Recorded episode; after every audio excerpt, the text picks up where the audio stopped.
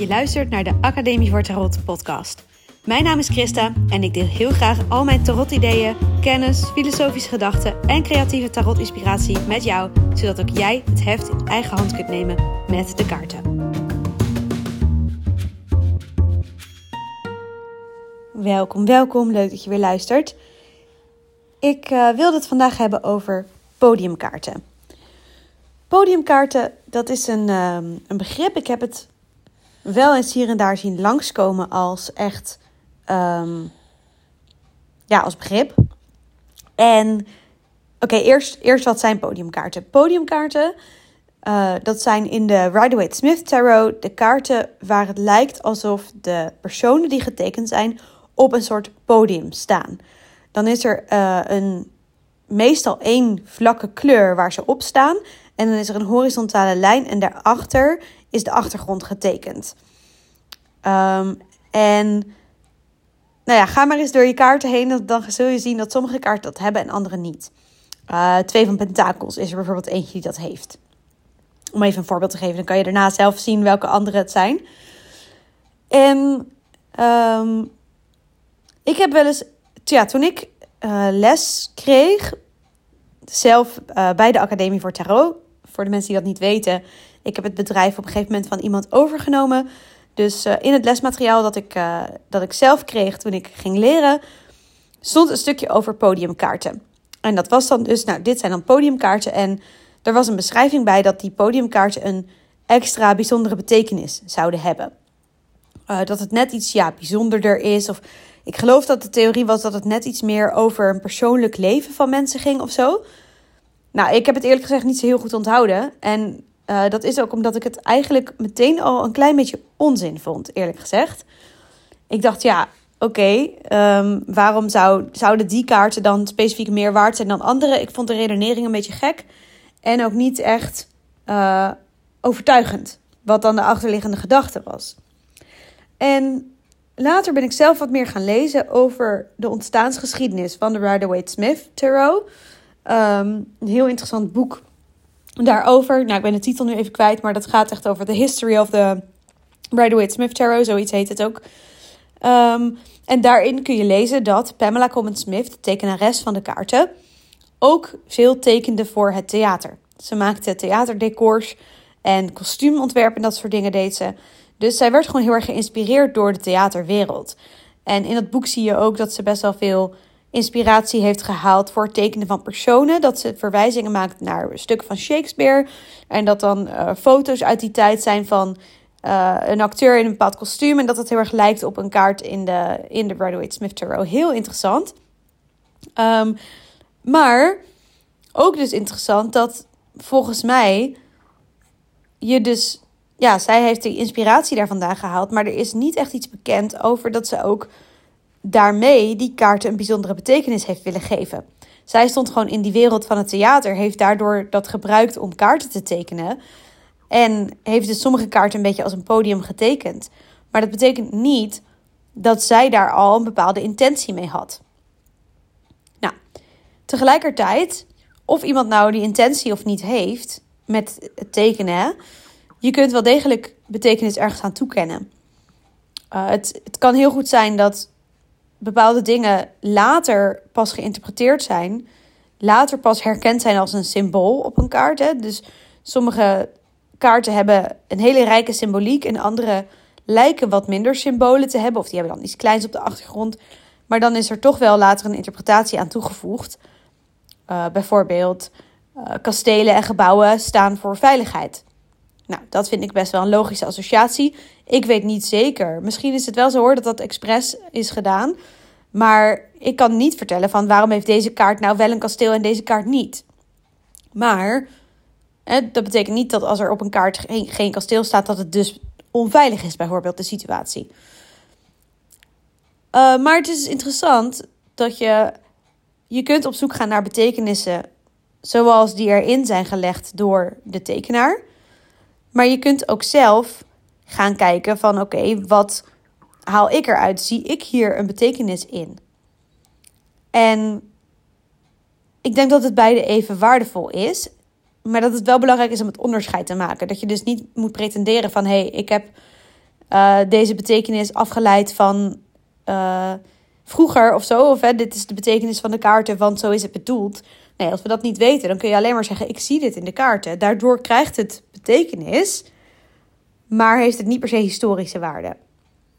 Oké, ik hoop dat ik hiermee niet dat het niet te ingewikkeld wordt wat ik nu probeer. Het punt wat ik probeer te maken is dat er dus een verschil is tussen wat we weten over waarom bepaalde elementen op een kaart getekend zijn. Dus dat er echt uh, dat Arthur Edward Wade bijvoorbeeld zelf iets geschreven heeft over die kaart, dan weten we zeker dat het de bedoeling was dat we dat ook op die manier interpreteren. Daarnaast heb je wat we nu eenmaal op de afbeeldingen zien. En daar kun je zelf al dan niet betekenis aan toekennen. En zeggen, hé, hey, ik zie dat, dat symbool vaker terugkomen. Dat staat dan voor, nou, bijvoorbeeld kastelen voor veiligheid. Dus ik ga dat voortaan interpreteren als ik dat zie. Dan kan ik dat meenemen in mijn interpretatie. Maar het hoeft niet per se. Want als het niet met jou resoneert, die uh, koppeling van dat symbool met die betekenis, dan kun je ook zeggen: ik laat dat los. Want het heeft verder niet per se. Historisch gezien weten we het niet zeker of dat al de bedoeling was. Overigens, met dit voorbeeld weet ik dat dus niet. Hè? Het zou best kunnen dat er wel over geschreven is, maar daar heb ik dan te weinig kennis van. Maar ja, dus even die kanttekening. Ik probeer te genuanceerd te zijn. Dat heb ik ook al door. Goed, het punt dus is Sommige dingen weten we wel over waarom iets getekend is, sommige dingen weten we niet. En als het gaat over podiumkaarten, dan heb ik tot nu toe nog niet iets gevonden over dat we zeker weten dat daar een bepaalde betekenis mee bedoeld was vanaf het begin. En als iemand daar wel een bron over heeft, stuur het me alsjeblieft door, want dan ben ik echt heel erg geïnteresseerd. Oké, maar dat betekent niet dat we niet zelf kunnen bedenken oké, we hebben podiumkaarten en we hebben niet podiumkaarten. Daar kunnen we een betekenis in zien. En ik denk dat je daar verschillende kanten mee op kunt, afhankelijk van wat jouw eigen associaties zijn met het theater of met het concept een podium. Je kunt bijvoorbeeld zeggen: Ik heb de associatie van op een podium gaan staan, je podium pakken, jezelf laten zien. Dus dan kan een kaart die een podiumkaart is gaan over wat laat je uh, zien van jezelf aan de buitenwereld. Maar je kunt ook zeggen, ja, op een theater. In een theater staan mensen toneel te spelen. Dus dat is niet echt.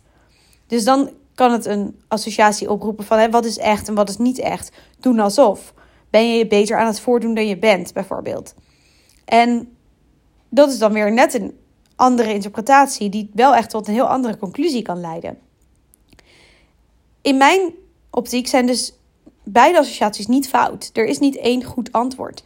Er is wel zoiets als: hey, het valt me op dat de ene kaart dit heeft en de andere kaart niet. Interessant, dan kunnen we dus gaan kijken welke betekenis zou dat kunnen hebben. En op het moment dat jij dat proces toestaat, dus van op die manier de kaarten gaan onderzoeken, dan open je voor jezelf die weg naar jouw intuïtie, naar wat jouw associaties zijn bij de kaarten, in plaats van dat je je vastklampt aan een bepaalde waarheid die je leert in de boekjes. Want dit betekent dat. Punt. En ik, realiseer, ik, herinner me dus nog goed dat ik in eerste instantie las over die podiumkaart. En echt dacht, nou, wat een onzin. Ik kan me niet voorstellen dat ze dit ermee bedoeld hebben. Bij het tekenen. En uh, nou, toen heb ik dat eigenlijk een beetje aan de kant gezet. En voor mezelf besloten eigenlijk. Dat ik me niet daardoor zou laten leiden. En dat ik dus niet, of iets een podiumkaart of niet, of iets een podiumkaart is of niet dat gebruik ik dus niet bij het interpreteren van de kaarten. Althans, vanaf dat moment ben ik dat niet gaan doen. Omdat ik echt dacht, nou, deze beschrijving vind ik een beetje raar. Het was ook een van de eerste delen die ik schrapte uit de lesstof toen ik zelf ging lesgeven. Wel dat ik even kon benoemen aan mensen. Van, nou, er is een theorie die zegt dat podiumkaarten belangrijk zijn. Ik vind het niet belangrijk en dan gaf ik er verder geen uitleg over. Nu denk ik daar iets genuanceerder over. Nu denk ik, nou, als je daar een bepaalde associatie bij hebt, dan kun je daar wel degelijk betekenis aan toekennen. Maar het is dus niet zo dat dat ehm, moet of dat dat. Ja, dat die podiumkaarten nou echt zoveel belangrijker zijn dan die andere kaarten. Want zo werd het een beetje beschreven en dat vind ik dus echt niet. Maar als je dat wel vindt en je hebt daar iets aan, dat is dan weer de pragmatische uh, manier waarop ik met de kaarten omga. Is dat ik zeg: hey, als jij er iets aan hebt, als jij daar wel betekenis in ziet en het kunt gebruiken en kunt toepassen. En het maakt, jou, het maakt, sorry, en het maakt jouw duidingen van de kaarten rijker in die zin. Ja, ga daar dan voor. Weet je, uh, prima. Dan is het helemaal goed als je die betekenisverschillen. Uh, of sorry, als je die verschillen in hoe het getekend is. ook een betekenisverschil toekent. Nou, ik hoop dat ik dit keer niet al te ingewikkeld uh, ben geweest in wat ik probeer over te brengen. Maar ik ben wel heel benieuwd of het concept podiumkaarten, of dat nieuw was voor je. Of je uh, ja, hier denk eens voor jezelf, nou hey, was het me al opgevallen dat er podiumkaarten zijn? Wat deed ik tot nu toe mee? En is mijn mening nu veranderd nu ik naar Christa heb geluisterd? Daar uh, ben ik benieuwd naar. Nou, ik hoop dat ik je iets uh, leuks heb gegeven om over na te denken vandaag. Tot de volgende!